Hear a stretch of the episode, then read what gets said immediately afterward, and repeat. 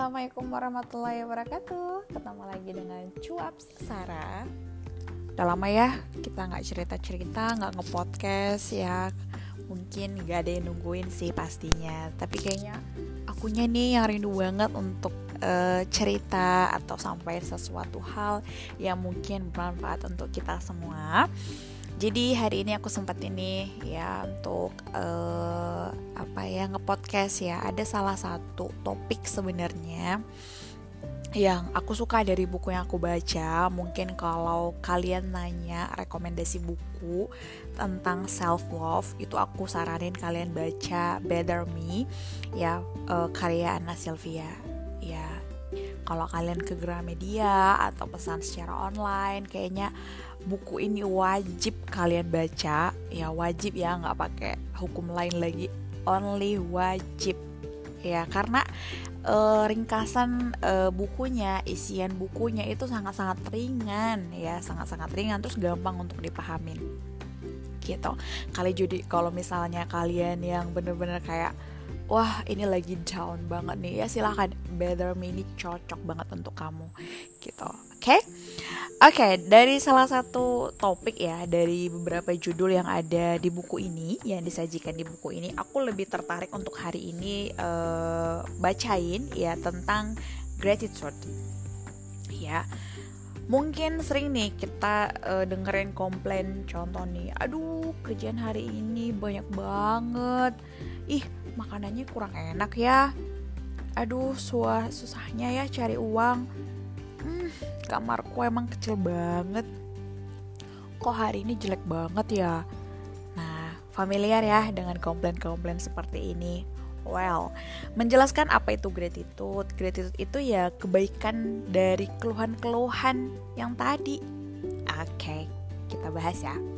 Nah, uh, gratitude itu adalah perasaan bersyukur ya di mana kamu mengapresiasikan dan melihat segala sesuatunya dari sisi yang penuh dengan rasa terima kasih.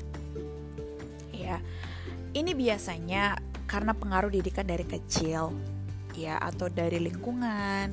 Ya kalau orang tua kita guru kita orang yang sering kamu temuin di masa kecilmu itu kategori mereka yang sering mengeluh biasanya pun kamu akan mewarisinya.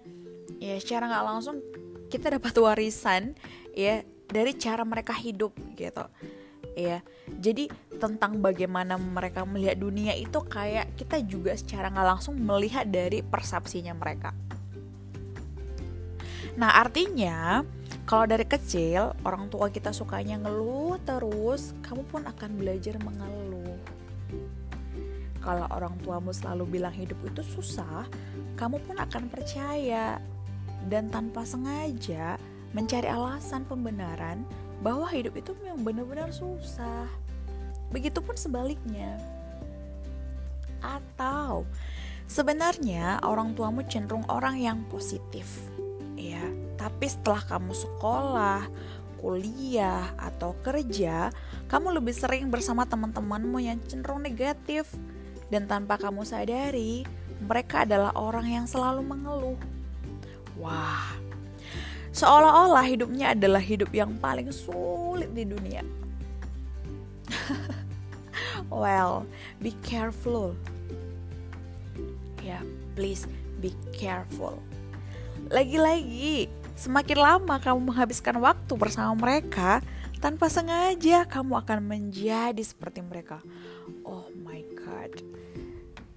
Well, inilah mengapa alasan bungkus ikan akan berbau seperti ikan dan orang yang menjual parfum pun akan berbau wangi.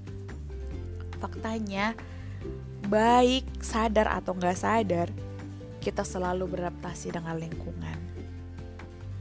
Hmm. Ada hal lucu yang baru aku sadarin, kata Ana, akhir-akhir ini. Kamu harus banyak paham ya, dari kebanyakan orang itu memang negatif ya. Karena memang pikiran terkadang tersistem seperti itu. Dan di saat kita positif tapi lingkungannya negatif, bisanya unless self esteemmu itu akan semakin tinggi dan kamu akan berusaha menyesuaikan. Hal ini normal karena kamu ingin diterima untuk menjadi bagian dari mereka. Contohnya, kalau di tempat kerja, biasanya semua orang suka ngeluh. Bahkan soal makanan yang disediakan di sana. Jadi, kalau lagi makan, tiba-tiba dia bertanya, gimana? Enak nggak makanannya? Maka akan ada pressure di sana untuk tetap positif karena sudah tahu kebanyakan dari mereka akan bicara kalau makanan itu disgusting. Atau sebaliknya. Jadi kalau dijawab jawab aja sebaliknya. Tapi mungkin kita akan ada ketakutan kayak judgement gitu loh. Ya tapi nggak apa-apa. Itu baru hal sepele. Nah akhirnya mau tidak mau kamu pasti bilang it's okay tapi di saat self esteemmu tinggi, kamu tidak akan berusaha diterima di dalam sebuah kelompok. Jadi ya, tidak terlalu memikirkan juga. Mereka mau memikirkan apa tentang kamu? Kamu punya tes yang rendah atau bagaimana? Ya bodoh amat cie. Jadi sekarang jawabannya don't ask me. For me all the all of the foods are delicious. Biasanya yang suka mengeluh akan malu sendiri terus dia nggak mau nanya lagi ke kamu. Dan dia akan bertanya ke orang lain yang satu opini dengan dia. Well ini satu kutipan yang sangat-sangat bagus ya. Kutipan dari topik maksud saya ya dari uh, buku The Better Me. Nah ini masih satu lembar ya yang saya bacain. Tapi ini kayak berkesan banget loh untuk diriku sendiri khususnya gitu. Jadi aku juga mau uh, sampaikan ini ke teman-teman yang mungkin dengar podcastnya aku gitu kan bahwa uh, apa ya ya kita memang uh, pers perspektif kita itu bagaimana lingkungan kita berpers berperspektif gitu secara nggak langsung ya.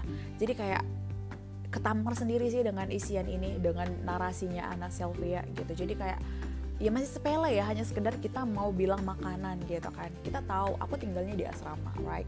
Jadi aku tinggal di asrama ya kita tahu makanan di asrama itu nggak kayak makanan di rumah gitu kan. Ya makanan namanya juga makanan untuk seribu umat gitu. Nah kadang sering tuh lewat lewat sama teman-teman nanyain gitu kan gimana gimana pantry gimana pantry?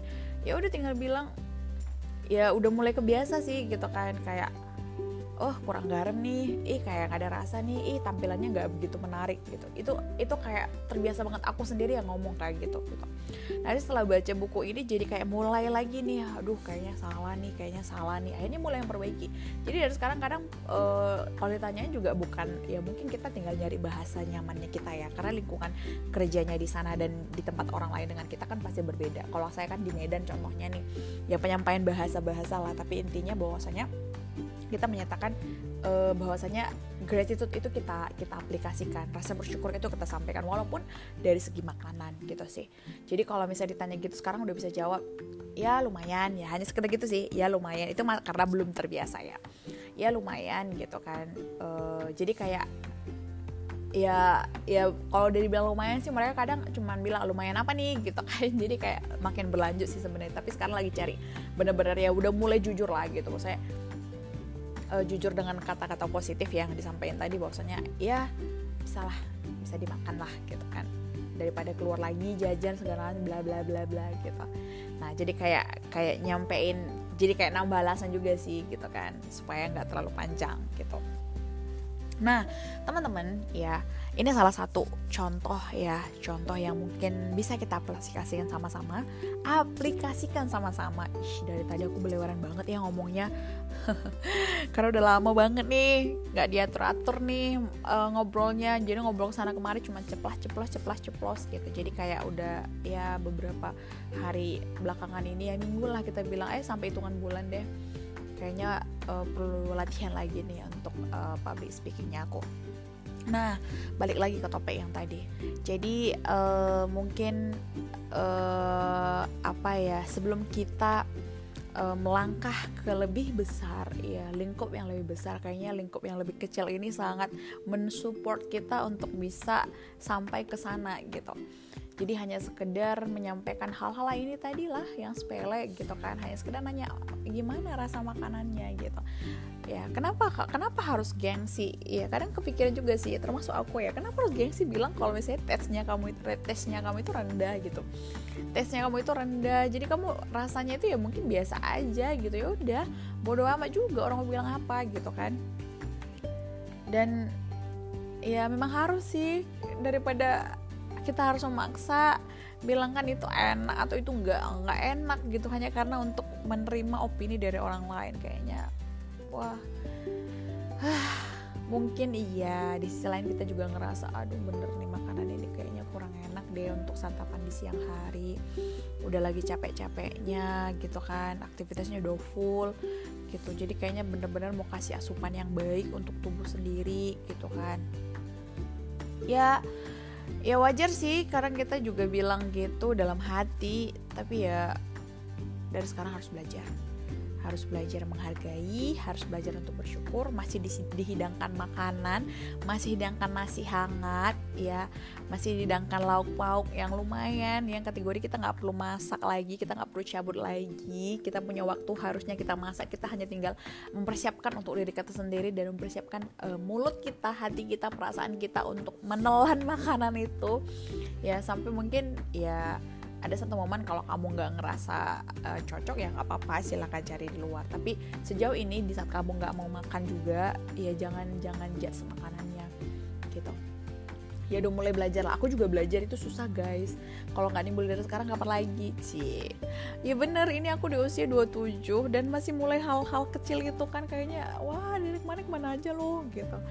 Jadi kayak aku ngajakin kalian yuk bareng yuk yuk sama-sama gitu kan. Kita jadi uh, apa ya manusia yang penuh dengan rasa bersyukur terhadap apa pun itu nah uh, aku juga mau bilang terima kasih nih untuk Ana Sylvia. Kayaknya aku nyesel loh sebenarnya baru baca buku ini di tahun ini gitu. Dari tahun-tahun kemarin ke mana aja baca buku apa aja gitu. Walaupun sebelum-sebelumnya aku bersyukur juga baca buku yang bener-bener banyak. Bukan banyak juga sih maksudnya uh, lebih ke arah yang uh, berbeda lah. Bukan berbeda jauh tapi sebenarnya uh, hampir sama kontennya tapi ini kayak lebih lebih ringan untuk aku gitu. Harusnya untuk yang pemula cocok banget nih untuk baca yang Better uh, Me ini dulu sebelum masuk ke yang lain gitu. Ya uh, mungkin untuk berikutnya aku akan pilihkan topik yang yang menarik lagi ya. Banyak nih topik yang bisa kita diskusi bareng-bareng gitu ya. Dan juga aku share pengalaman aku setelah baca buku ini dan mungkin aku udah aplikasikan sedikit-sedikit sih. Dan yang lebih penting di saat aku aplikasikan ini lebih terkesan kayak uh, membuka ya open minded sebenarnya bahwasanya aku nggak bisa aku nggak bisa uh, apa namanya uh, menyanggah atau aku nggak bisa kontrol opini orang lain terhadap apa yang aku sampaikan gitu. Apa respon aku terhadap sesuatu itu aku nggak bisa nggak bisa uh, apa namanya atur opini orang lain. Jadi ya bener-bener harus diterima aja. Kalau kalau kita ngerasa cocok ya ya okein aja. Kalau nggak ya bodo amat. Gitu sih. Jadi sekarang juga udah mulai udah mulai berkurang ya uh, apa namanya stresnya juga.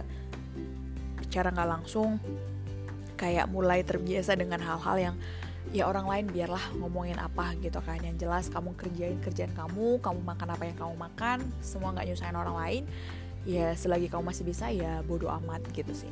Nah kalau kalian juga bisa ya kenapa kenapa nggak coba gitu kan. Anal Sylvia udah udah nyoba nih sampai dia buatin buku untuk kita dari pengalamannya tanpa harus kita kita rasain dulu pengalaman pahitnya. Kayak Anal Sylvia mungkin ya pengalaman pahit, pengalaman yang tidak menyenangkan mungkin.